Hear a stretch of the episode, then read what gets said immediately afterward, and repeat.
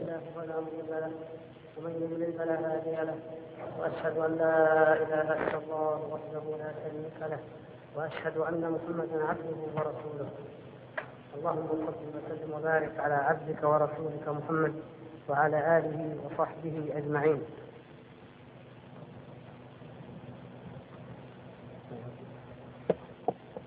جزاك الله خير. طيب. وبعد أيها الإخوة المؤمنون فما زلنا في الموضوع المهم الجلل الذي دونه كل موضوع وهو موضوع الشرك حقيقته وخطره وضرره. وكنا في الأسبوع الماضي بحمد الله تعالى وتوفيقه قد قرأنا كلاما قيما لهذا الإمام القيم ابن القيم رحمه الله تعالى. كلاما قيما نفيسا عن الشرك وعن التعطيل. ووقفنا عند عند شرك الإرادات والنيات. واليوم نكمل إن شاء الله تبارك وتعالى كلامه رحمه الله. لأن الموضوع كما قلت لكم في الأسبوع الماضي قد لا يأتي له مناسبة أخرى وإن جاءت فبعد حين. ونحن نعلم أن أهم ما ندعو إليه هو التوحيد وأن أوجب ما ينبغي أن نتعرف عليه من الأضداد هو ضد التوحيد وهو الشرك بالله تبارك وتعالى الذي هو أكبر الذنوب. والذي جاء الحديث عنه في المتن في الكتاب كما تعلمون بمناسبة الكلام عن الرجاء. وذلك أن المشرك لا رجاء له عند الله تبارك وتعالى. أولئك الذين ليس لهم في الآخرة إلا النار. فلا يرجون رحمة الله لا في الدنيا ولا في الآخرة ولكن يستدرجهم من حيث لا يعلمون. ويقول الإمام ابن القيم رحمه الله إذا عرفت هذه المقدمة الكلام الذي تقدم كله في الأسبوع الماضي انفتح لك باب الجواب عن السؤال المذكور. السؤال المذكور الذي سألناه أو الذي سأله ما هو السؤال؟ ما يتذكر منكم. أصل السؤال عن ماذا؟ عن الكبائر. تذكرون؟ عن الكبائر وأنواعها. ولماذا كان الشرك أكبرها وأعظمها وأخطرها؟ فيقول حقيقة الشرك مما تقدم يعني يتبين لنا قاعدة مهمة نستنتجها مما تقدم وهي أن حقيقة الشرك هي التشبه بالخالق وتشبيه المخلوق به. هذا أوجز ما يمكن أن يقال في حقيقة الشرك ومعرفة لماذا كان هو أكبر الذنوب وأعظم ما عصي الله تبارك وتعالى به. الشرك هو التشبه بالخالق بالله وتعالى التشبه بالله سبحانه وتعالى أو تشبيه المخلوق به تبارك وتعالى. هذا هو التشبيه في الحقيقة. لا إثبات صفات الكمال. ما المقصود بهذا؟ يريد أن يرد ابن القيم رحمه الله على الذين نفوا الصفات قالوا حتى لا نقع في التشبيه مثل ما تقدم معنا في موضوع في صفة العلو مثلا كما تقدم موضوع الرؤية موضوع الكلام وغيرها من مباحث الصفات التي شرحناها والحمد لله. العلة واحدة عند. الذين ينكرون صفات الله سبحانه وتعالى من الجهمية والمعتزلة والأشعرية وغيرهم العلة أننا لو أثبتنا الصفات لوقعنا في التشبيه. فيقول لا هذا التشبيه لا يفهمونه حقيقة التشبيه. التشبيه الذي هو الشرك عكس ما يظنون. التشبيه هو تشبيه الخلق بالخالق. لا كما يزعمون إثبات صفات الله.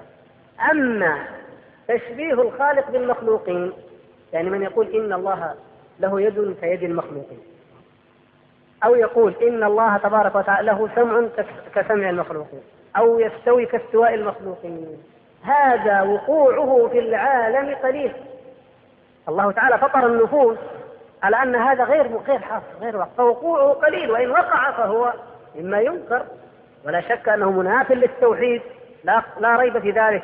لكن هم لا يقصدون ذلك يقصدون إثبات الصفات. والسلف الصالح كما تعلمون والحمد لله لا يثبتون الصفات لله تبارك وتعالى كصفات المخلوقين. ولكن يقولون كما قال عز وجل ليس كمثله شيء وهو السميع البصير. يثبتون السمع والبصر وجميع الصفات مع إثبات أنه ليس كمثله شيء ولم يكن له كفوا أحد. وهل تعلم له سمية وإن وقع الاشتراك اللفظي في الاسم فالحقيقة غير الحقيقة كما أن الوجود غير الوجود. يكفينا هذه القاعدة. الوجود غير الوجود. الذات غير الذات. متفقون معنا كلهم أن ذات الله تبارك وتعالى لا تشبهها ذات وأن وجود الله تبارك وتعالى لا يماثله وجود. إذا فبقية الصفات تتبع الذات وتتبع صفة الوجود المجمع عليها. وهذا مذهب واضح والحمد لله. منهج رحب واضح سهل الفهم ولا ينكره إلا مكابر لكن ليس هذا. وإن, وإن زعم من زعم كما زعم ذلك الرازي وأمثاله ونسبوه إلى رجل لا عقل له ولا نقل هو المنجم المشهور أبو معشر الفلكي منجم من المنجمين كان في, في الإسلام لا يعرف له فضل ولا سابقة ولا خير ولا دين.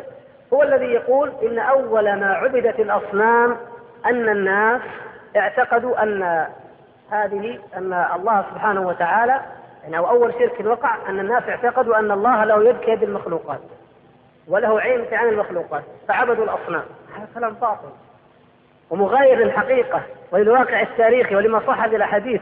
بالعكس الذين عبدوا الأصنام شبهوها بالله.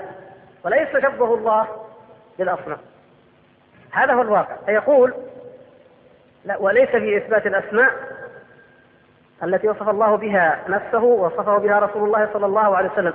فعكس من نكس الله تعالى قلبه وأعمى عين بصيرته وأركسه يلبس الأمر يعني قلب ذلك وجعل التوحيد تشبيها والتشبيه تعظيما وطاعة. فالمشرك مشبه للمخلوق بالخالق في خصائص الإلهية. مثلا ذكر مثال قال فإن من خصائص الإلهية التفرد بملك الضر أو الضر والنفع والعطاء والمنع لا مانع لما أعطيت ولا معطي لما منعت. هذا ما يملكه الله سبحانه وتعالى وحده. ومن وذلك يوجب تعليق الدعاء والخوف والرجاء والتوكل عليه وحده. لأنه هو الذي يملك العطاء والمنع والضر والنفع. فإذا من يدعى من يرجى من يستغاث به من يطلب عند الشدائد هو الله وحده. ما الذي فعل المشركون؟ عكسوا ذلك. فأصبحوا يدعون من دون الله آلهة.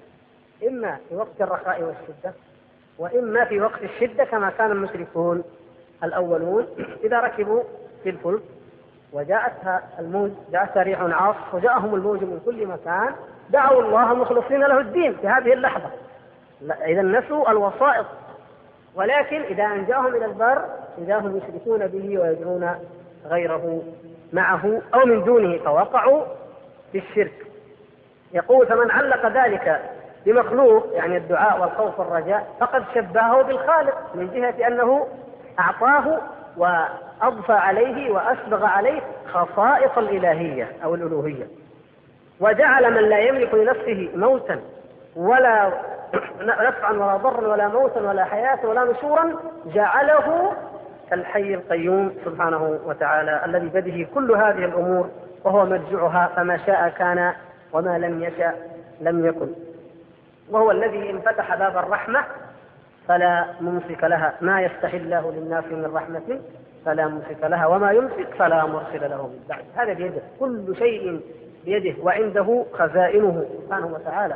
وإليه المنتهى وأن إلى ربك المنتهى منتهى الإرادات ومنتهى المطالب ومنتهى المنى كله ينتهي إلى الله سبحانه وتعالى. أي مخلوق تصورت أنه يمكن أن يعطيك أو يساعدك أو يضرك أو ينفعك ففكر بعقلك. من الذي خلقه؟ من أوجده؟ من أعطاه هذا الذي يمكن أن يساعدني به؟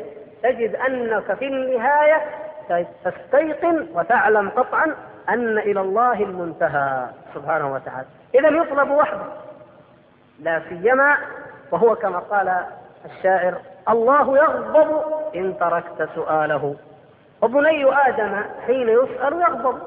إذا اطلب الغني الكريم الذي يملك كل شيء وبيده خزائن كل شيء ويريد أن تسأله ويغضب إن لم تسأله وتطلب.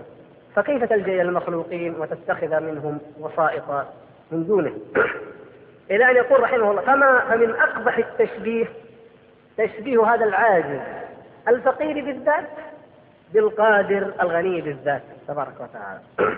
ثم قال ومن خصائص الإلهية. دائما شيخ الإسلام ابن تيمية رحمه الله وابن القيم لهم هذا المنهج. يستطردون ويوضحون وهذا المنهج لو تأملناه نجد أنه قرآني. الله تبارك وتعالى في القرآن حتى وهو يأتي بقصة أو بخبر أو ب... ويأتي ما يتعلق بالتوحيد تأتي آية تأتي إشارة أو دلالة قوية على أهمية التوحيد أو تجلية لجانب معين من جوانب التوحيد تتعلق بهذا الموضوع. فهكذا الذين يسيرون على منهج القرآن والسنة في الدعوة والفهم والحكمة والبصيرة التي أمر الله تبارك وتعالى بها ويأخذونها من القرآن كهذين الشيخين الفاضلين. أي موضع يأتيان من مواضع التوحيد؟ سواء هو يتكلم عن عن مشابهة المشركين ومحبتهم كما في اقتضاء الصراط المستقيم. يعرج على موضوع الشرك. في الصارم المسلول يعرج على موضوع يعرج على موضوع الكفر وانواعه وهكذا. هنا كما ترون السؤال كان عن المعاصي الكتاب كله عن العشق. ومع ذلك عرج على الشرك وعرج على الموضوع وأطال وهكذا لعلمهم بأهمية التوحيد وأنه أساس كل شيء في هذا الدين فلذلك يقول أيضا من خصائص الإلهية الكمال المطلق من جميع الوجوه ولهذا يا إخوان بعض الإخوان كثيرا ما يسأل يقول كيف نطلق هذه هل هل أسماء الله سبحانه وتعالى توقيفية أم غير توقيفية؟ هل نطلق هذا الوصف على الله أو لا نطلق؟ والقاعدة هي هذه، القاعدة أن ما كان كمالا لا نقص فيه بوجه من الوجوه فإثباته لله من طريق الأولى. وتقدم هذا عندما تعرضنا لمعنى المثل الأعلى. تذكرون ذلك ولله المثل الأعلى. المثل الأعلى الكمال المطلق الذي لا يشوبه نقص بأي وجه من الوجوه خذ مثلا العلم المثل الأعلى في العلم من؟ لله العلم المطلق الذي لا يعتريه الجهل بأي شكل من الأشكال. القدرة المطلقة. المثل الأعلى لله سبحانه وتعالى. القدرة المطلقة التي لا يعجزه شيء في الأرض ولا في السماء. من يملك هذا؟ الله وحده سبحانه وتعالى. في الحكمة في العزة في التدبير في كل شيء له المثل الأعلى. فالكمال المطلق من جميع الوجوه الذي لا نقص فيه بوجه من الوجوه هذا يكون من خصائص الألوهية. وذلك يوجب العبادة يوجب أن تكون العبادة كلها لله وحده. له وحده والتعظيم والإجلال والخشية والدعاء والرجاء والإنابة والتوكل والاستغاثة والاستعانة. وكل أنواع العبادة تكون له وحده لأنه هو الذي يملك وحده هذا الكمال المطلق. ويكون له الأمران المهمان. اللذان هما سبب إيراد هذا الموضوع في شرح العقيدة. غاية الذل مع غاية إيش؟ الحب. غاية الخوف أو غاية الذل مع غاية الحب. هكذا لابد أن يجتمعا. يقول كل ذلك يجب عقلا وشرعا وفطرة أن يكون لله وحده. هذا احتراز من كلام بعض أهل البدع. كأن الأمر ما يجب إلا بالشرع. حقيقة نعم ما عرفنا التفصيل إلا من الشرع. لكن العقل يدل عليه جملة والفطرة تدل عليه جملة وإنما تفصيله وبيانه يأتي في الشرع يأتي بالوحي لكنها تدل عليه. ومن زعم أن ذلك مجرد دلالة الشرع فقط فقد غلط غلطا عظيما. وهذا ما سيوضحه رحمه الله فيما بعد. إذا يقول فمن جعل شيئا من ذلك لغيره فقد شبه ذلك الغير يعني من جعل العبادة والرجاء والتعظيم والذل والخضوع لغير الله فقد شبه ذلك الغير بمن لا شبيه له ولا ند له وذلك أقبح التشبيه وأبطله. إذا لاحظتم كيف خطر هذا الشرك؟ طب حتى لو كان ذلك جعل لنبي من الأنبياء حتى ذلك؟ حتى لو جعل لملك من الملائكة الدعاء والرجاء والرغبة والخوف والتعظيم. نقول نعم حتى لو جعل لرسول الله صلى الله عليه وسلم أيكون أيضا شركا وتشبيها وندا نعم من الناس من يفعل ذلك. ولهذا الشرك باطل وأعظم من أبطله رسول الله صلى الله عليه وسلم. حتى وإن كان هو المدعو صلى الله عليه وسلم أو من يخاف ويرجى ويستغاث به فالشرك باطل بأي وجه من الوجوه وأعظم ما جاء النبي صلى الله عليه وسلم بمحاربته هو الشرك وإن كان متعلقا بذاته كما سيأتي التفصيل إن شاء الله تعالى. ثم يقول من خصائص الألوهية العبودية التي قامت على ساقين لا قوام لها بدونهما غاية الحب مع غاية الذل. يقول وهذا من المحال أن تأتي شريعة من الشرائع به يعني بهذا التشبيه لأن قبحه مستقر في كل فطرة وعقل ولكن غيرت الشياطين فطر أكثر الخلق كما جاء في حديث من؟ في حديث عياض بن حمار نعم. وإني خلقت عبادي حنفاء فاجتالتهم الشياطين. اجتالتهم وحرمت ما أحللتم هكذا نعم. الذي صرف الفطرة وحرفها في الأول في الأصل القديم الشياطين. ثم يحرفها أيضا في حق الآحاد من الناس المربون. المربون. فأبواه يهودانه أو ينصرانه أو يمجدانه فالإنسانية كانت على التوحيد حتى صرفها الشيطان إلى الشرك.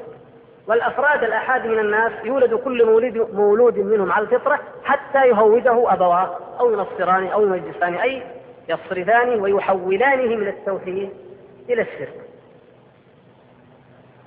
يقول إذا عرفت هذا فمن خصائص الإلهية السجود مثلا فمن سجد لغير الله فقد شبه المخلوق بالله. هذا إذا هذا المثال.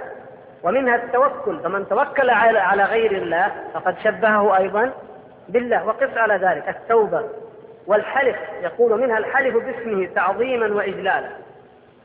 الكلام هذا ما يقول ابن القيم رحمه الله هكذا. لماذا يقصد أمثلة معينة؟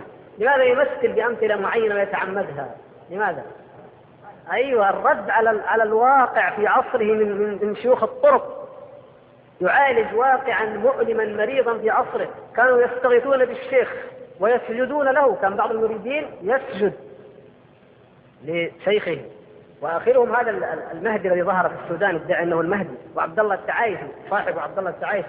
كانوا يسجدون له المهدية يسجدون له سجودا ويستغيثون به ويتوكلون عليه. والشيخ يعلمهم يقول مشايخهم أو بعض منهم الشيخ الذي لا ينجد مريده أو تلميذه وإن كان في أطراف الأرض أو إن كان في اوساط البحر ليس بشيخ. ما هو شيخ؟ يعني الشيخ هو الإله تعالى الله عن الذي يستطيع أن ينجي تلاميذه في ظلمات البر والبحر. أعوذ بالله. أصبحوا يتنافسون في ذلك. حتى قال بعضهم لو جئتم إلى قبري ودعوتموني ولم يغفكم فلست بشيخ والعياذ بالله. انظروا كيف وصل بهم ادعاء الألوهية. نسأل الله العافية. والحلف به الحلف بالشيخ صار أعظم من الحلف بالله.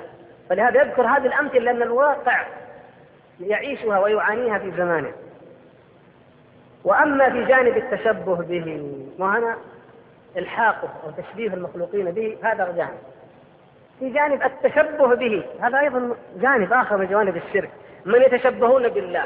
قال فمن تعاظم وتكبر ودعا الناس إلى إطرائه بالمدح والتعظيم والخضوع والرجاء وتعليق القلب به خوفا ورجاء والتجاء واستعانة فقد تشبه بالله ونازعه في ربوبيته وإلهيته وهو حقيق بأن يهينه غاية الهوان. وأن يذله غاية الذل ويجعله تحت أقدام خلقه. ولهذا كما جاء في الحديث الصحيح يحشر المتكبرون يوم القيامة على هيئة الذر يطأهم الناس بأخفافهم. سبحان الله. الجزاء من جنس العمل. الناس يحشرون يوم القيامة كيف؟ على أي صفة يا أخوان؟ أيوة. على خلق على خلق أبيهم آدم. طوله ستون ذراعا.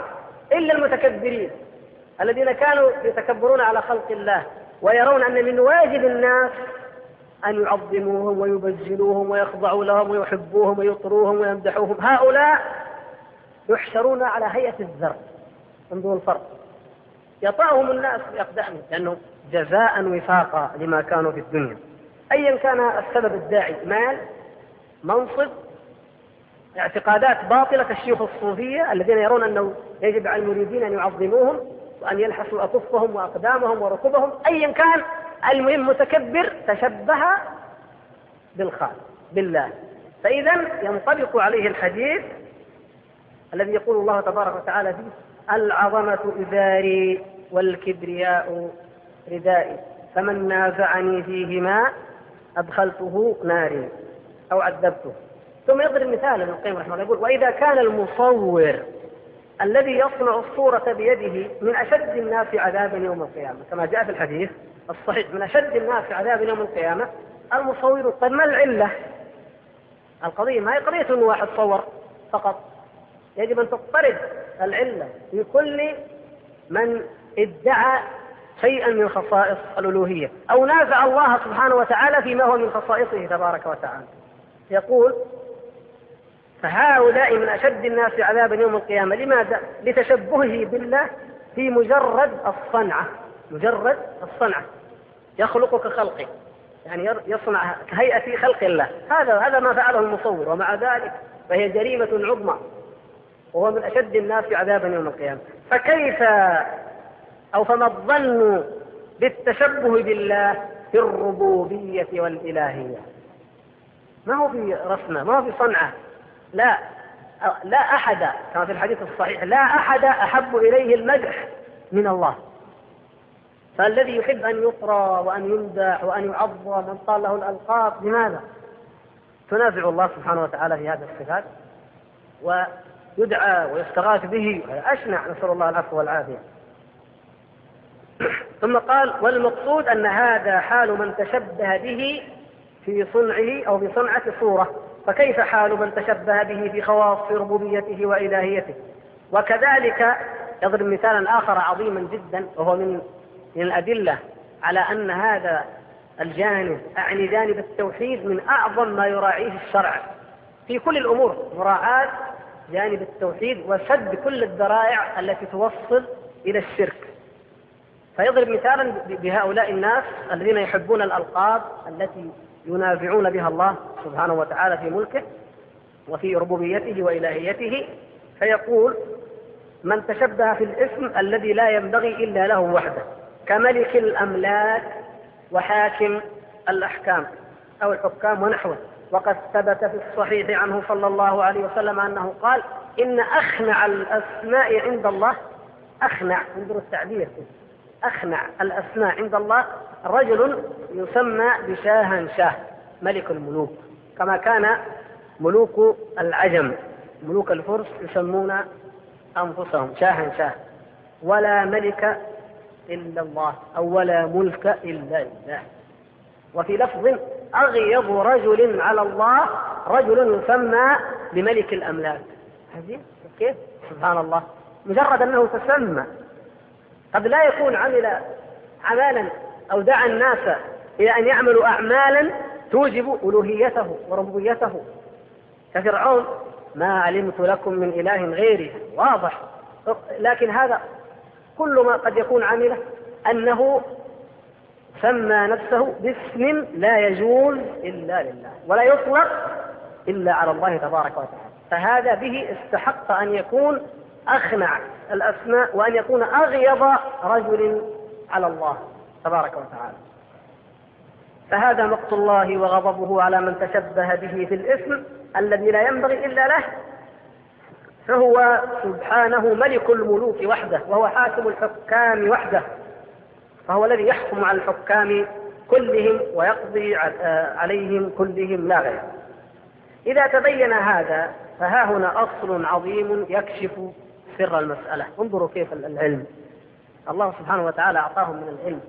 يفتح لك باب عظيم من أبواب العلم ويؤصل قضية عظيمة بأوضح وأجل ما يمكن ثم ينتقل منها إلى قضية أخرى ثم ينتقل إلى التي تليها. فتجد علم. ما يلقون الكلام هكذا أي كلام. علم مؤصل مرتب مبني على الأدلة على نظرة شاملة. وهذه التي لا تجدها عند كثير من العلماء في القديم فضلا عن المتأخرين مثل الإمامين ابن تيمية وابن القيم رحمهم الله ومن سار على نهجهما. هذه ميزة للمدرسة السلفية لأنها مدرسة نبوية. هذه المدرسة التي جددها شيخ الإسلام ابن تيمية رحمة الله تعالى عليه. وما هي إلا ما عمله شيخ الإسلام ابن تيمية ما هو إلا تجديد للمنهج الذي كانت عليه الثلاثة القرون المفضل. ما جاء بشيء من عنده أبدا. الآن ينقلك من سر عظيم بعد أن تجلت عندك هذه الحقيقة العظيمة عن حقيقة الشرك وهو هذا التشبيه ينقلك إلى حقيقة أخرى عظيمة جدا. انتبهوا لها بارك الله فيكم يقول إذا تبين هذا فها هنا أصل عظيم يكشف سر المسألة وهو أن أعظم الذنوب عند الله إساءة الظن به. إذا القضية ما هي قضية الرجاء أضعف منازل المريدين كما يقول الهروي ولا يقول الصوفية لا أبدا. أعظم الذنوب إساءة الظن بالله سبحانه وتعالى. وهي باب لباب آخر سيأتي فيما بعد وهو كيف قد تقولون الآن كيف يقول أليس أعظم الذنوب؟ هو القول على الله تعالى بغير علم كما في الآية نقول انتظروا سيفتح الشيخ بابا إلى باب إلى باب حتى تجدوا مدنا من مدن العلم والخير في هذه العبارات. الموجزة رحمه الله. يقول فإن المسيء به الظن قد ظن به خلاف كماله المقدس فظن به ما يناقض أسماءه وصفاته. المسيء الظن بالله ظن به خلاف الكمال الذي تقتضيه هذه الأسماء والصفات التي تثبت له تبارك وتعالى. يقول ولهذا توعد الله سبحانه وتعالى الظانين به ظن السوء بما لم يتوعد به غيرهم كما قال تعالى عليهم دائرة السوء وغضب الله عليهم ولعنهم وأعد لهم جهنم وساءت مصيرا. وأعوذ بالله. انظروا شدة الوعيد. نتيجة هذا الظن بالله تبارك وتعالى. وقال تعالى لمن أنكر صفة من صفاته وذلكم ظنكم الذي ظننتم بربكم أرداكم فأصبحتم من الخاسرين. ما هي الصفة التي أنكرها هؤلاء. الآية هذه جاءت في حق من؟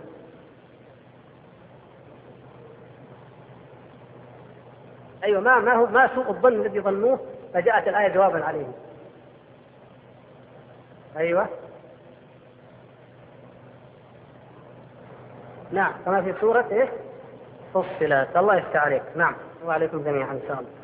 ويقول وقال تعالى عن خليله إبراهيم انظروا انظروا هذا الإمام إمام التوحيد العظيم. إمام إني جاعلك للناس إماما. ثم أوحينا إليك أن اتبع ملة إبراهيم حنيفا. شرف عظيم أن يوحى إلى النبي صلى الله عليه وسلم أن يتبع ملته. هذا من أعظم الدلالة على إلى إمامته عليه الصلاة والسلام على نبينا محمد صلى الله عليه وسلم. قال لما قال لقومه ماذا تعبدون؟ أئفكا آلهة دون الله تريدون؟ فما ظنكم برب العالمين؟ انظروا هذا الإلزام هذا الإقناع هذه الحجة. أئفكا آلهة غير الله ما يقول آلهة أئفكا افتراء. لا أصل له ولا حقيقة. أئفكا آلهة غير الله تريدون؟ ثم يعقب على ذلك فما ظنكم برب العالمين؟ إذا إذا عبدتم غيره فما ظنكم به تبارك وتعالى؟ يقول أي فما ظنكم أن يجازيكم به إذا لقيتموه؟ وقد عبدتم غيره. وما ظنكم به حين عبدتم معه غيره. وما ظنكم بأسمائه وصفاته وربوبيته من النقص. حتى أحوجكم ذلك إلى العبودية لغيره ما الذي أحوجكم؟ ما ماذا ظننتم به حتى عبدتم غيره معه أو من دونه؟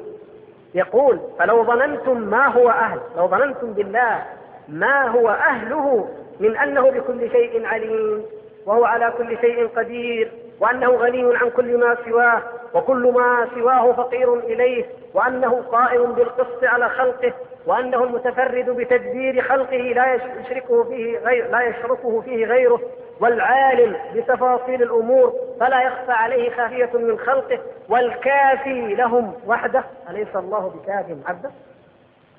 فلا يحتاج إلى معين والرحمن بذاته فلا يحتاج في رحمته إلى من يستعطفه وهذا بخلاف الملوك وغيره من الرؤساء فإنهم يحتاجون إلى من يعرفهم أحوال الرعية وحوائجها وإلى من يعينهم على قضاء حوائجهم وإلى من يسترحمهم وإلى من يستعطفهم بالشفاعة فاحتاجوا إلى الوسائط ضرورة حاجتهم. نتيجة يعني حاجتهم وضعفهم وعجزهم بأنفسهم وقصور علمهم. انظروا كيف هذه العبارات العظيمة. قال فأما القادر بنفسه على كل شيء الغني بذاته عن كل شيء. كما قال يا أيها الناس أنتم الفقراء إلى الله. والله هو الغني. وكما في حديث أبي ذر المشهور المعروف في خطاب الله تعالى لعباده. فإذا الغني بذاته الرحمن الرحيم الذي وسعت رحمته كل شيء. يقول هذا إدخال الوسائط بينه وبين خلقه نقص في حق ربوبيته وإلهيته وتوحيده وظن به ظن السوء. هذا ظن أسوأ الظن بالله. انظروا موضوع إدخال الوسائط. إدخال الواسطة. تأملوا هذا الموضوع.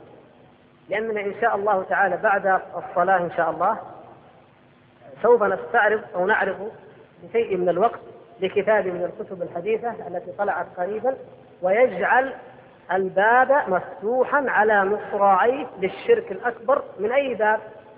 من باب التوسل وباب الوسائط وقد ناسب هذا هذا والحمد لله بفضل من الله وتدبير وليس بتدبير منا أن يأتي مثل هذا الكتاب ومثل هذا الكلام في وقت نحن نتكلم فيه في عن هذا الموضوع العظيم بكلام هذا الإمام الجليل رحمة الله تعالى عليه. إذا إدخال هؤلاء إدخالهم بين الخلق والخالق تبارك وتعالى هذا حكمه. قال وهذا يستحيل أن يشرعه لعباده ويمتنع في العقول والفطر جوازه. معقول؟ الله سبحانه وتعالى يشرع للناس أن يتخذوا بينهم وبينهم وسائط وهو العليم بكل شيء القادر على كل شيء. الغني عن كل أحد المتصرف في كل أمر.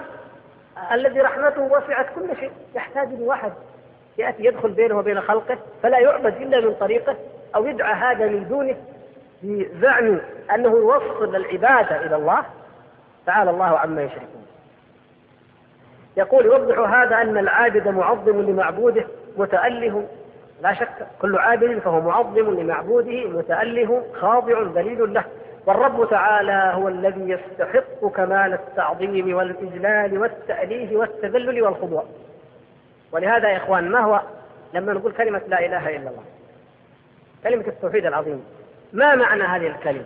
ما معنى كلمة إله؟ لأن الإله إذا عرف معناها عرفنا معنى كلمة لا إله إلا الله. ما معنى الإله؟ أوجز وأفضل تعريف لهذه الكلمة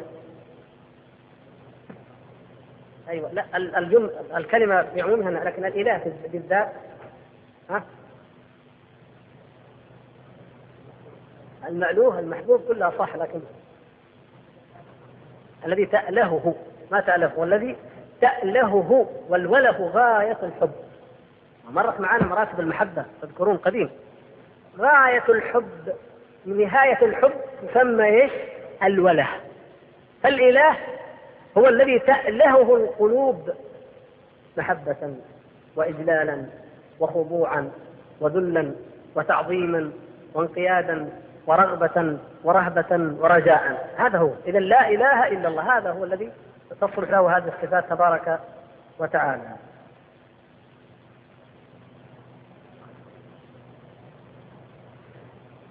يذكر ابن القيم رحمه الله بعد هذا الكلام يذكر أمثلة عظيمة جدا نافعة جدا.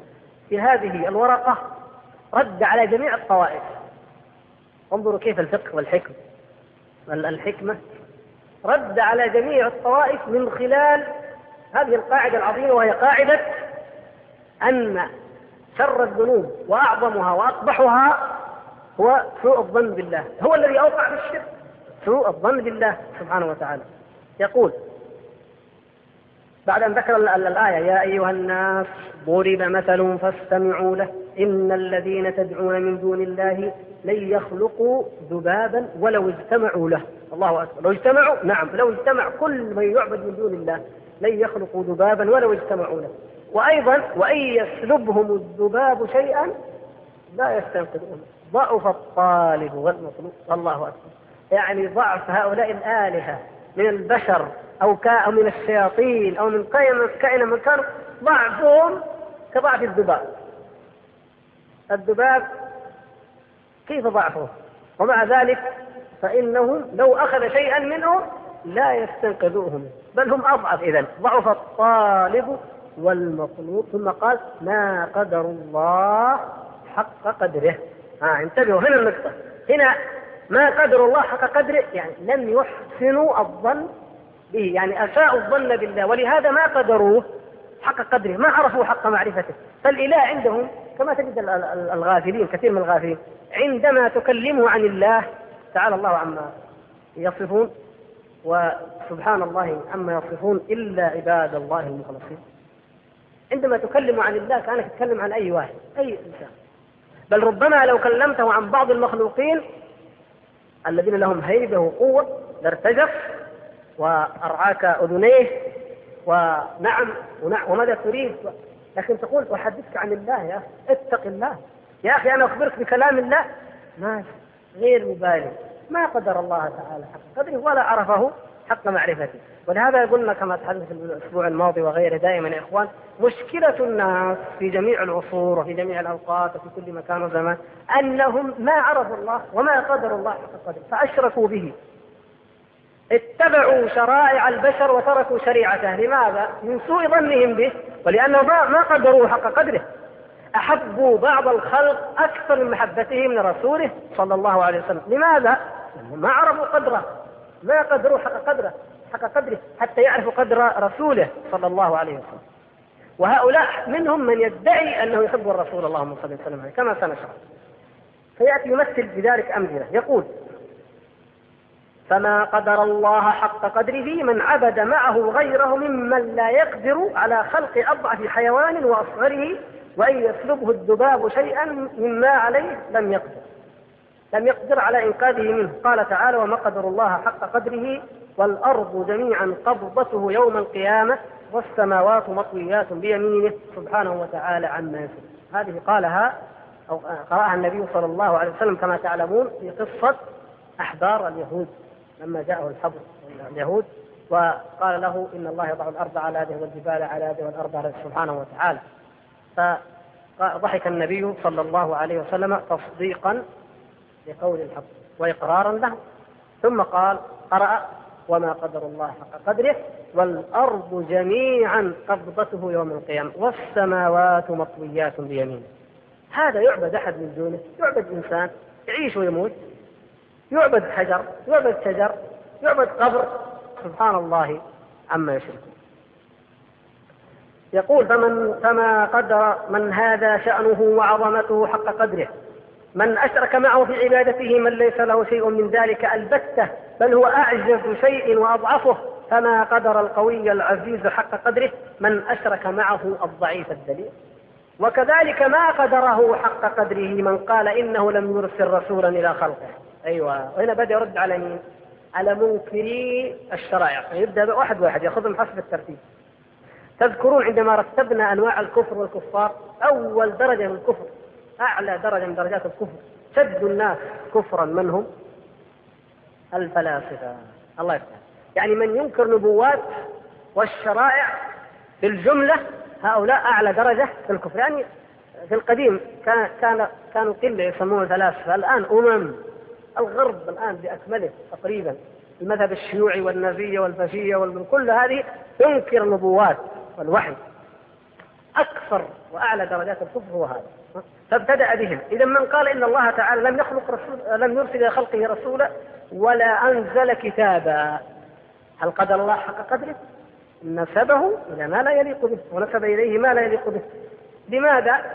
لأن معنى كلامه هذا أن الله سبحانه وتعالى خلق ترك الخلق. أهملهم وتركهم سدى.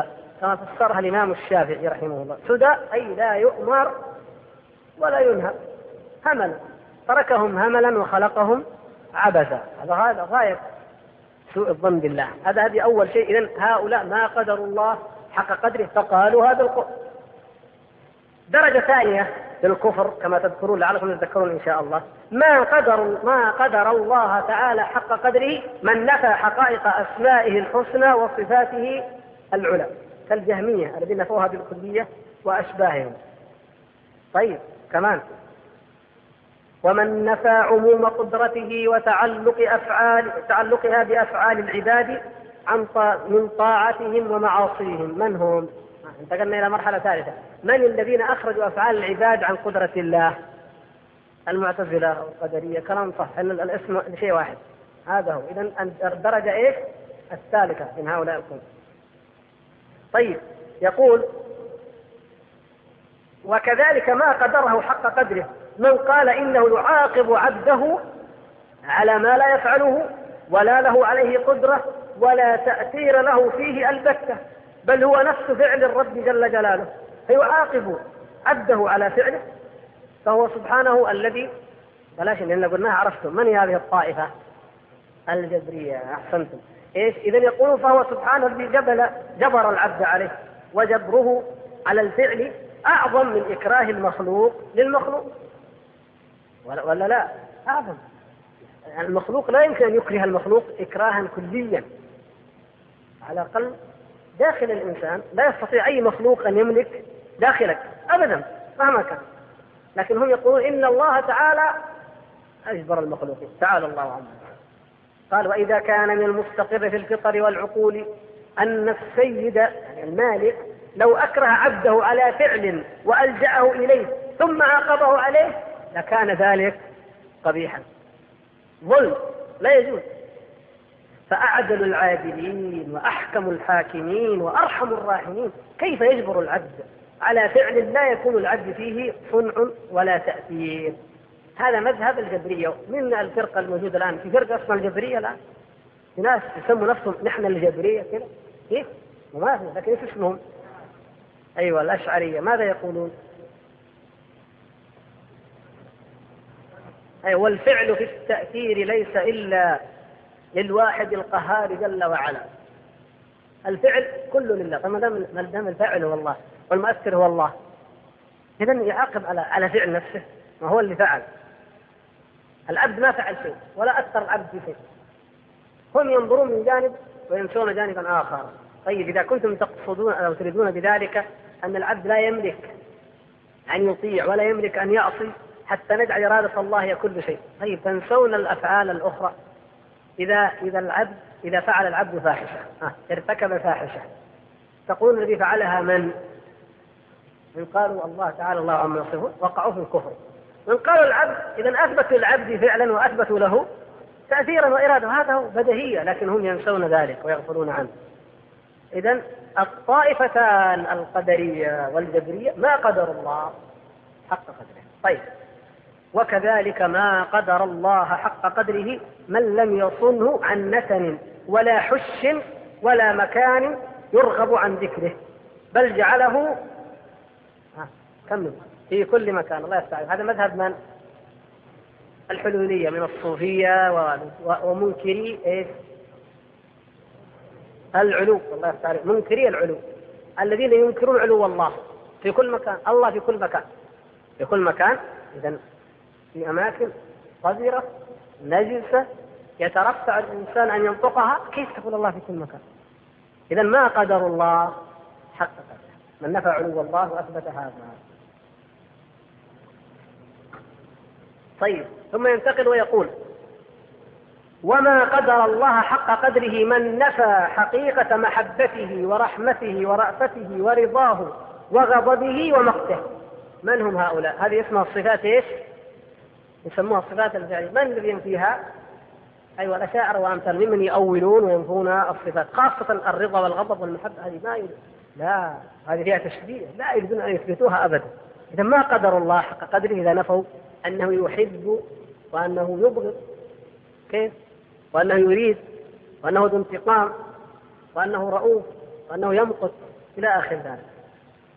ولا من نفى حقيقة حكمته التي هي الغايات المحمودة المقصودة بفعله. هذه الحكمة. الذين نفوا حكمة الله. طبعا ما قالوا ليس بحكيم هكذا. يقولون ليس لأفعاله غاية ولا علة الله. يظنون أن هذا الكلام ينزه الله. ما نقول الافعال لها حكمة. ما نقول لها عله الله تعالى إذا إذا قلنا أنه فعل شيء لشيء لأجل شيء مثل إيش؟ هذا هات آية ولا حديث. أيوة إلا ليعبدون. ها. إذا هو يعني خلقهم ليعبدوا. إذا فعل فعل من أجل علة يا شيخ. وهذا ما يليق. لا لا ما نثبت إلا الله تعالى يعني ما ما يحقق شيء إلا عن طريق هذا ظنوا ظنهم. ظنوا أنهم بهذا ينزهون الله. فوقعوا في المصيبة الكبرى. نفي الحكمة عن الله. فكأنه يعني خلق شجرة أو حجرا أو أرسل نبيا الأمر واحد. الموضوع واحد. كلها أفعال تخضع لمطلق المشيئة أو الإرادة. فقط ليس لها حكم وليس لها علل. فنفوا مقصوده وغرضه وحكمه من خلقه. طيب. وكذلك لم يقدره حق قدره من جعل له صاحبة وولدا. من هؤلاء؟ معروفهم قاتلهم الله. وكذلك من لم يقدره حق قدره من قال إنه رفع أعداء رسول الله صلى الله عليه وسلم وأهل بيته وأعلى ذكرهم وجعل الله فيهم الملك والخلافة والعز ووضع أولياء رسول الله صلى الله عليه وسلم وأهل بيته وأهانهم وأذلهم وضرب عليهم الذل أينما ثقفوا. وهذا يتضمن غاية القدح في جناب الرب. تعالى الله عن قول من؟ الرافض. عن قول الرافضة علوا كبيرا انظروا كيف لو, لو صح التوحيد عند هذه الطوائف وقدر الله حق قدره ما وقعوا في هذا هذه المصائب. كيف؟ يقول لك صنمي قريش. من هم صنما قريش؟ أو بكر. أعدى أعداء الدين عندهم أبو بكر وعمر. طيب. وبعدين وبنو أمية يقول لك هي الشجرة الملعونة في القرآن. شجرة خبيثة ملعونة كذا كلهم كفار. طيب. إلى آخر ما يقول. إذا هؤلاء أعدى أعداء الدين. من هم أولياء الله؟ قالوا علي وذرية علي ولا الذين يعتقدون هم إمامتهم. طيب انظروا الواقع. ماذا فعل الله؟ مكن لهؤلاء أعطاهم الملك أعطاهم الولاية جعلهم بني أمية فتحوا البلاد مكن لهم الجهاد أعطاهم ولاية حتى على هؤلاء وضرب يعني أهل البيت أهل البيت سجنوا وأوذوا وعذبوا وقتلوا. وما تولى أحد وهذه من حكمة الله سبحان الله العظيم. ما تولى أحد من ممن يدعي الروافض أنه إمام الخلافة أبدا. لأن البدعة أصلا الذين يدعون الاثنى عشرية بدعة الاثنى عشرية ما جاءت إلا متأخرة بعد أحداث كربلاء بعد مقتل أو استشهاد الحسين رضي الله تعالى يعني بعد ذلك جاءت هذه البدع منذ أن ظهرت هذه البدعة ما ولي إمام من أئمة الرافضة قط. إذا معقول هذا. يا جماعة راجعوا أنفسكم. هذا ظنكم بالله؟ الله عز وجل ما يولي أحد من أوليائه أبدا الذين تقولون إنه اختصهم بغاية العلم وغاية الحكمة وغا ويعلمون الغيب ويدبرون كل شيء وأعطاهم مفاتيح الكون. ولولاك لولاك ما خلقت الأفلاك. كل هذا الاعتقاد العظيم فيهم. وما تولوا على شيء. عجيب إذا أظنكم بالله هذا ظن عجيب غريب من أين جئتم به؟ وأعجب من ذلك أنه يمكن لأعدائهم ويوليهم وينصرهم ويجاهدون ويفتحون البلاد وتثني عليهم الأمة وتؤلف لهم الكتب. عجيبة كيف هذا الكلام؟ إذا لا بد أن تصححوا نظرتكم إلى الله. هذا معقولكم بهذا الشكل؟ أبدا. وهذا القول انظروا كيف الحكمة وعشان يقول لك طيب لا عندهم لا. انتظر نأتيك بعلة يعني بجواب مفهم لا يستطيع الروافض أن يرفعوا رؤوسهم بعده. نقول مثل هذا القول في حق أهل البيت وفي حق أعداء أعدائهم كما تزعمون قالته اليهود والنصارى في حق رسول الله صلى الله عليه وسلم. القاعدة واحدة. القاعدة كيف اليهود والنصارى كفروا برسالة محمد صلى الله عليه وسلم؟ وقالوا إنه مفتن افترى على الله الكذب وجاء برسالة طيب الدين الحق ما هو؟ يا يهود يا نصارى ما الدين الحق الذي يقبله الله ولا يرضى غيره؟ قالوا ما عليه اليهود وما عليه النصارى. كونوا هودا أو نصارى تهتدوا. هذا الدين الحق. جميل. طيب هذا الدين الحق. على فرضكم على كلامه نفترض هذا الشيء. فيسلط الله دجالا كذابا مفتريا. فيستولي على ممالك هذا الدين الحق ويقتلهم ويأسرهم ويضرب برقابهم السيف. ثم يستعبدهم يستعبد من شاء منهم. ثم يظل الملك والشأن والرفعة والمجد له ولأمته. أبد الآبدين طوال الدهور. إذا هذا ظن بالله غير, لا يمكن أبدا لا يمكن. إذا إما أن تكون الله تعالى الله عما يقولون لا حكمة له في فعاله ينصر عدوه بهذا الشأن يفتري عليه ويقول إنه رسول من عنده ويأتي بكلام يقول هذا كلام الله ويدعي الرسالة من الله وأن الوحي ينزل إليه كل شيء يفتريه ويمكنه في هذه الدنيا. والدين الحق كما تزعمون اليهوديه والنصرانيه ذليلة مهانة مضطهدة معذبة ويقضى عليها في أغلب بقاعها الأساسية المنطقة المهمة لها اللي هي منطقة حوض البحر الأبيض وكذا وكذا. لا يمكن إما أن يكون ما في حكمة لهذا ابدا ولا يستطيع عاجز عاجز أن ينصر أولياءه ويسلط عدوه ويمكن لأعدائه. أو هذا هو الواجب الآخر أو إيه؟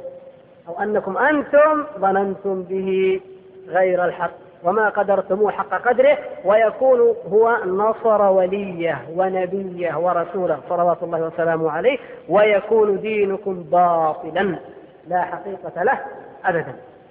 فهذا يتفق مع حكمة الله ومع أفعال الله تبارك وتعالى في خلقه. فيعني كما قال قال هذا القول مشتق يعني قول الرافضة مشتق من قول اليهود والنصارى في رب العالمين إنه أرسل ملكا ظالما. يعني هذا هكذا يعبرون. أدعى النبوة لنفسه وكذب على الله وأخذ زمانا طويلا يكذب على الله كل وقت. ويقول قال الله كذا وأمر بكذا ونهى عن كذا وينسخ شرائع أنبيائه ورسله ويستبيح دماء أتباعهم وأموالهم وحريمهم. ويقول الله أباح لي ذلك والرب تعالى يظهره ويؤيده ويعليه ويقويه. ويجيب دعواته ويمكنه ممن يخالفه ويقيم الأدلة على صدقه ولا يعاديه أحد إلا ظفر به. فيصدقه بقوله وفعله وتقريره وتحدث أدلة تصديقه شيئا بعد شيء إلى يوم القيامة. انظروا الحكمة انظروا هذا هذه العبارة. تحدث أدلة تصديقه شيئا بعد شيء إلى يوم القيامة. حكم كلمة ما يقولها أي واحد أبدا. يعني النبي صلى الله عليه وسلم ليست آيات آيته معجزة معينة واحدة ثم تنتهي كما كان للرسل من قبل وإنما كما قال صلى الله عليه وسلم وإنما كان الذي أوتيته وحيا أوحاه الله إلي فأرجو أن أكون أكثرهم تابعا يوم القيامة. كيف؟ يعني كل كل ما يجي زمن يظهر في هذا الزمن ما يدل على صدقه. يتجدد تتجدد الدلائل على أنه نبي. تتجدد براهين نبوته صلى الله عليه وسلم في كل زمن لما يقع من أخبار لما يقع من أحداث أخبر عنها صلى الله عليه وسلم قبل وقوعها ولا يمكن أن أن يتوقعها بشر أو أن يقولها أحد إلا بعلم من الله تبارك وتعالى. يقول ومعلوم أن هذا يتضمن يعني كلام اليهود وأتباعه يتضمن أعظم القذف والطعن في رب العالمين في الرب تبارك وتعالى وفي علمه وحكمته ورحمته وربوبيته تعالى الله عن قول الجاحدين علوا كبيرا. توازن قارن يعني بين قول هؤلاء اليهود وقول إخوانهم من الرافضة. تجد القولين كما قال الشاعر رضيعي لبان ثدي أم تقاسما بأفحى مداج عوض لا نتفرق. يعني أبدا لا نفترق كأنهما أخوان رضعا من ثدي واحد وأقسما أننا لا نفترق أبدا. يعني القاعدة واحدة. ما يقال في حق اليهود يقال في حق الروافض. ثم قال وكذلك لم يقدره لم يقدره حق قدره من قال إنه يجوز أن يعذب أولياءه ومن لم يعصه طرفة عين. ويدخلهم دار الشقاء. وأن يثيب أعداءه ومن لم يطعه طرفة عين ويدخلهم دار النعيم. وأن كلا الأمرين بالنسبة إليه جائز وإنما الخبر المحض جاء عنه بخلاف ذلك. فمعناه للخبر لا لمخالفة حكمته وعدله. من يقول هذا القول؟ هذا هو نعم الأشاعرة أيضا هذا من إنكار إيش؟ الحكمة تابع لها. تابع لموضوع إنكار الحكمة أو إنكار التعليل لكن هنا أيضا فيه مبحث آخر أو ملحظ آخر وهو أنهم يقولون إن العقل لا يحسن ولا يقبح. العقل لا دخل له. فلو أن الله تبارك وتعالى كما يقولون هم لو أنه جاء يعني أولى أوليائه أعظم أوليائه طبعا من هو أعظم أولياء الله؟ أيوة لكن لا يجرون أن يقولوه بالاسم لكن يقول لو جاء أفضل أولياء وأدخله الجنة جائز آه النار. أدخله النار جائز وأعد وجاء إلى أعدى أعدائه هو الشيطان وأدخله الجنة جائز عقلا. جائز عقلا ما في أي شيء. لكن الشرع جاء بخلاف ذلك يعني الخبر جاء لولا أن الخبر يعني النص الشرعي جاءنا لكنا نقول يحتمل هذا وهذا. تعالى الله عما يصفه. لا والله لا نعتقد ذلك. بل الله تعالى أعطانا من العقول ما نعرف أن هذا الأمر لا يليق به. إذا العقل له دخل. في التشريع عقل يشرع لا. لكن في معرفة في التمييز بين الحق وبين الباطل في معرفة الصواب من الخطأ من خلال ما يأتي في الوحي تفصيله وبيانه. ولهذا وصف الله سبحانه وتعالى رسوله صلى الله عليه وسلم بأنه النبي الرسول النبي الأمي الذي يأمرهم بالمعروف وينهاهم عن المنكر ويحل لهم الطيبات ويحرم عليهم الخبائث طيب هنا السؤال من. من أنا بسألكم سؤال من منكم يستطيع أن يبين كيف أن هذه الآية تدل على مذهب أهل السنة والجماعة ولا تدل على مذهب الأشاعرة في هذا المعنى؟ يعني هذه الآية بالذات ليش جبناها؟ ها؟ تفضل.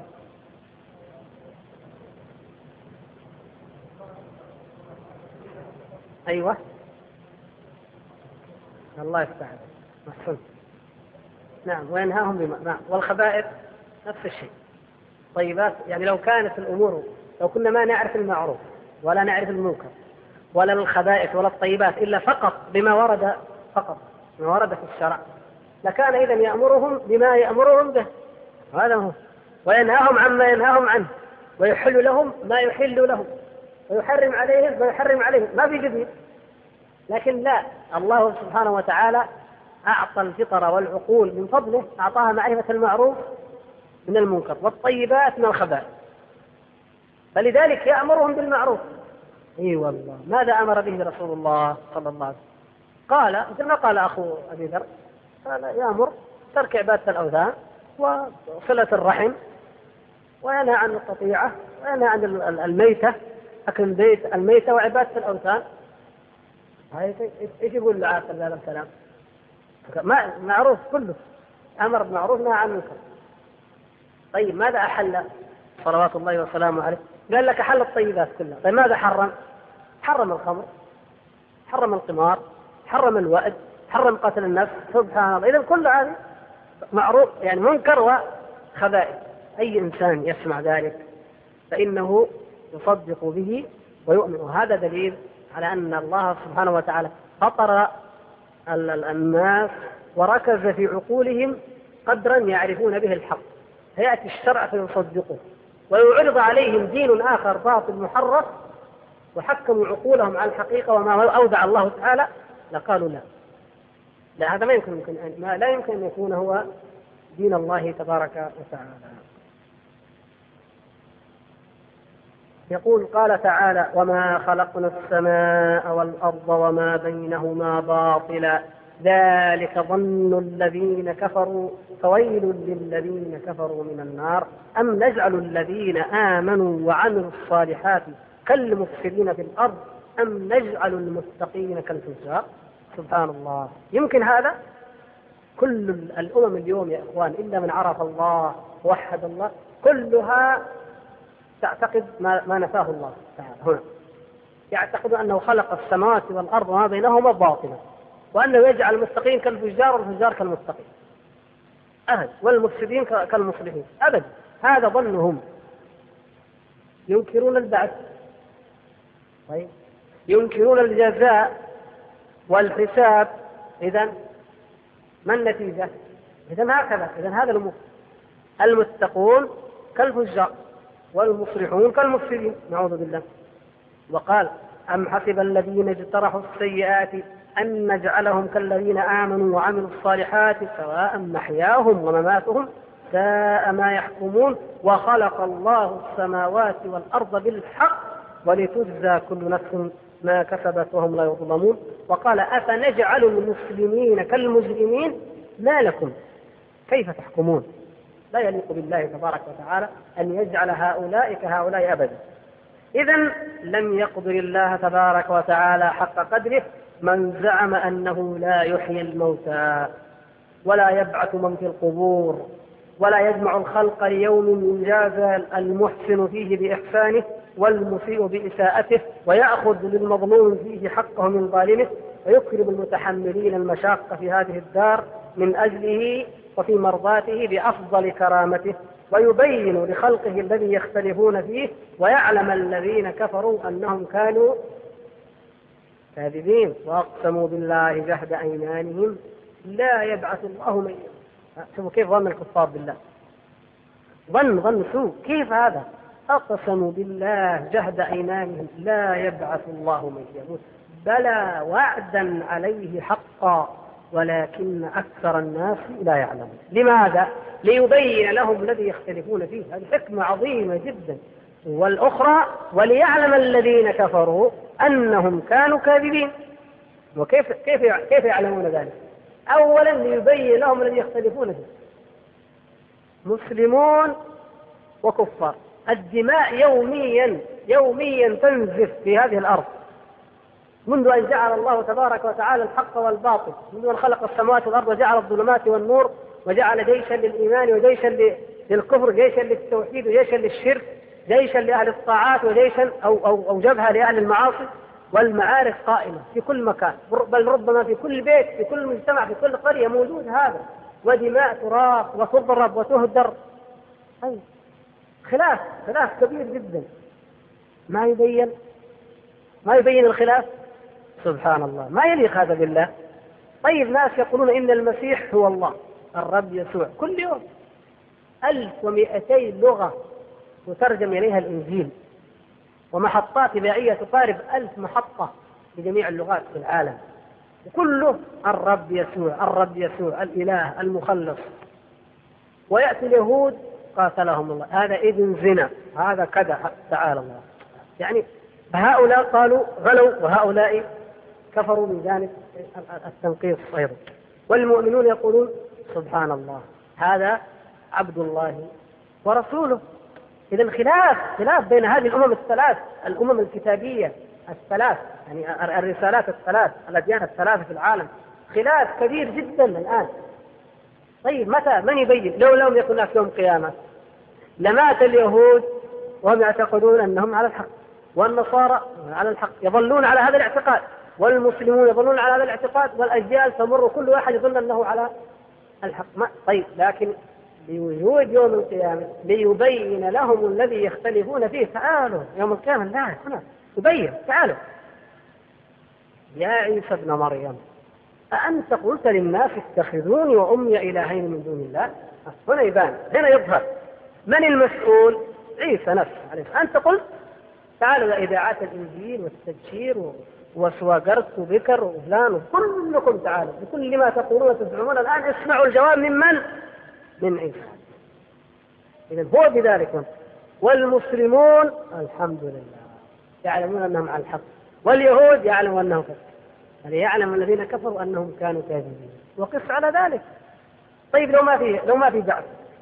يأتي الأنبياء يأتي الرسل يختلفون مع أقوامهم. يا قومنا هنالك يوم يوم التناد يوم الحساب. يوم عظيم يوم الامتحان القيامة كل يخوفونهم به والأمم تكفر وتكذب.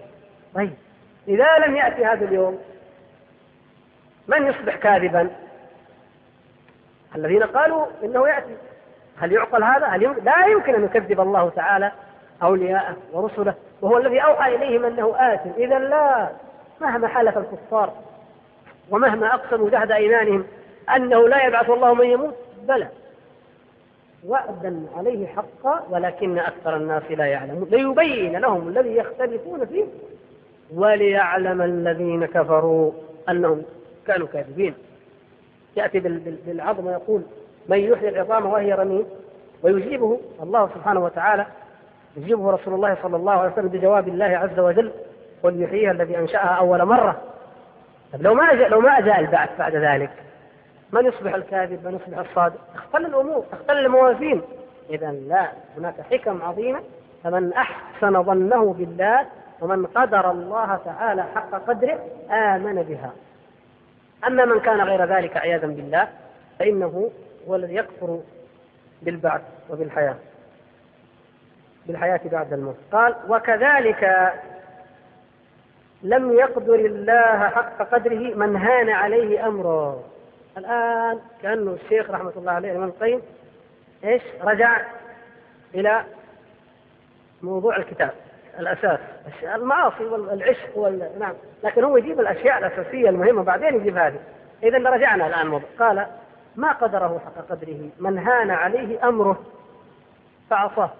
اتق الله يا أخي. حرام. بسيطة آه. يا أخي الله أمرك. اتق الله. صلي. افعل كذا. ما هي مشكلة؟ هان عليه أمره. إذا قدره حق قدره ما قدره.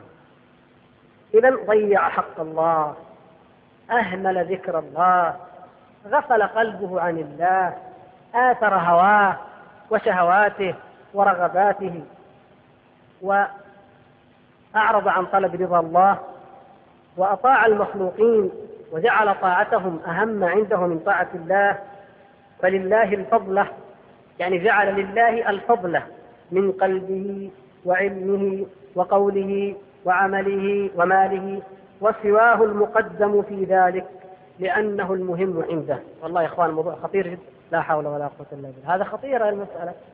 إذا ما هي قضية والله إننا عصينا ولا غفلنا. شوف كيف المشكلة.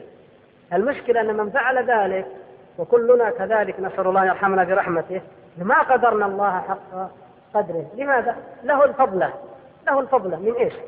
من قلبه. الهم والقلب والتفكير في الدنيا في السيارات العمارات الزوجات الأموال الأبناء الوظائف الشهادات. أه إذا من قلبه وعلمه. عشرين سنة. يبتعث الواحد بعضهم يقعد 15 سنة. 10 11 العلم هذا ليس ولا ليس لله منه كلمة واحدة. يا ذنب الله. وقوله شوف كلامه. ديوان ديوان. في ناس كل يوم ينزل قصايد كل يوم كل يوم. مجلدات من الشعر. ما لله منها شيء. مجالس سهرات. يمسك الحكاية ويضحك الناس ويحكيهم طول الليل كل يوم كل يوم. ما لله شيء من هذا الصوت يتكلم يذهب ي... ما ليس لله شيء نسأل الله العافية. وعمله أيضا عمله كدح. كدح ليل نهار كم لله من هذا الكدح؟ لا شيء يغضب لكن لله؟ لا. يرضى لكن لله؟ لا. ينتقم لمن؟ لله؟ لا. يثور لمن؟ لله؟ لا. ماذا جعل لله؟ وماله شهوة؟ تمشية؟ نزهة؟ رحلة؟ فرجة؟ بشكة؟ إلى آخر ما يسمى؟ خذ ألف مليون خمسمائة اللي يمشي ما في مشكلة. عشرة ريال لله؟ لا. هذه الكبيرة هذه اللي تشوف كأنه ما يسلم المال ويكسر الصندوق إلا بهذه العشرة. أو المئة أو الألف. لماذا؟ لله. وإن أعطى الله يعطيه إيش؟ الفضلة. الفضلة. يعني واحد من أولاده نجح؟ خذ كذا. ها؟ لو كان لاعب كورة من أولاده وجاب هدف سيارة فخمة ولا مليون ولا مثلا أي شيء. طيب واحد من أولاده حفظ جزءا من القرآن. عشرة ريال خمسين ريال. يعني سبحان الله. إذا ما لله من عمله. الفضلة إن عمل شيئا لله. وأعطى الأخير عجبا. هذا ربك يا يا عبد الله. هذا ربك الذي خلقك ورزقك وأغناك وأعطاك. نصيبه عندك. آخر شيء وأقل شيء ما تعمل من أجله. إذا هل أنت تحسن الظن به؟ يقول والله نحن عندنا الرجاء أمة محمد والله نحن نحسن الظن بالله. ونسوي كل شيء. يا شيخ ما أحسنت الظن به والله. من هذا حاله والله ما أحسن الظن بالله. ولا أحسن الرجاء أبدا. لو أحسن الظن لأحسن العمل. لو أحسنت الظن به لعظمت أمره ونهيه. ووقفت عند حدوده. وسعيت إلى مرضاته بكل طريق. وكنت مع أوليائه. إن لم تجاهد أعداءه فكن محبا لأوليائه بقلبك على الأقل يا أخي بقلبك يا إخوان ناس يتندرون في المجال والله. يتندرون في كل مجلس في الدعاء في الهيئة في المطاوعة مثلا سبحان الله سبحان الله. يا ناس من تحاربون أنتم؟ من, تف... من تحاربون؟ تحاربون أولياء من؟ أحباب من؟ من؟ الذي رزقكم وأعطاكم المال والمناصب والخير فإن لم تكونوا مع أوليائه. فلا تقفوا مع أعدائه. أقل ما فيها. لكن لا الشيطان أعماهم وأصمهم. فهذا موقفهم من الله سبحانه وتعالى. بقي الفقرة الأخيرة لعلنا إن شاء الله في وقت نقولها. إذا يا إخوان فلما كان الشرك أكبر شيء منافاة للأمر الذي خلق الله له الخلق وأمر لأجله بالأمر الديني كان من أكبر الكبائر عند الله. أو أكبر يعني نعم. وكذلك الكبر وتوابعه كما تقدم. فإن الله سبحانه خلق الخلق وأنزل الكتاب لتكون العبادة والطاعة لله وحده والشرك والكبر ينافيان ذلك ولذلك حرم الله الجنة على أهل الشرك والكبر.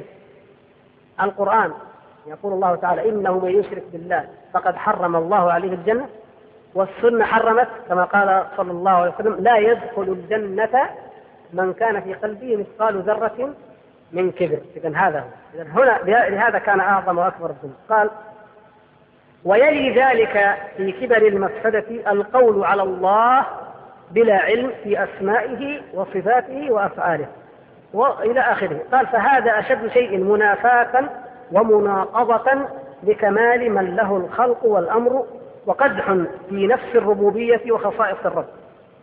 ها. يأتي السؤال. طيب كيف ما نقول أنه أعظم؟ ما قلنا. ونستدل على ذلك بآية الأعراف أن القول على الله بغير علم أعظم الذنوب لأن الله تعالى يقول في الآية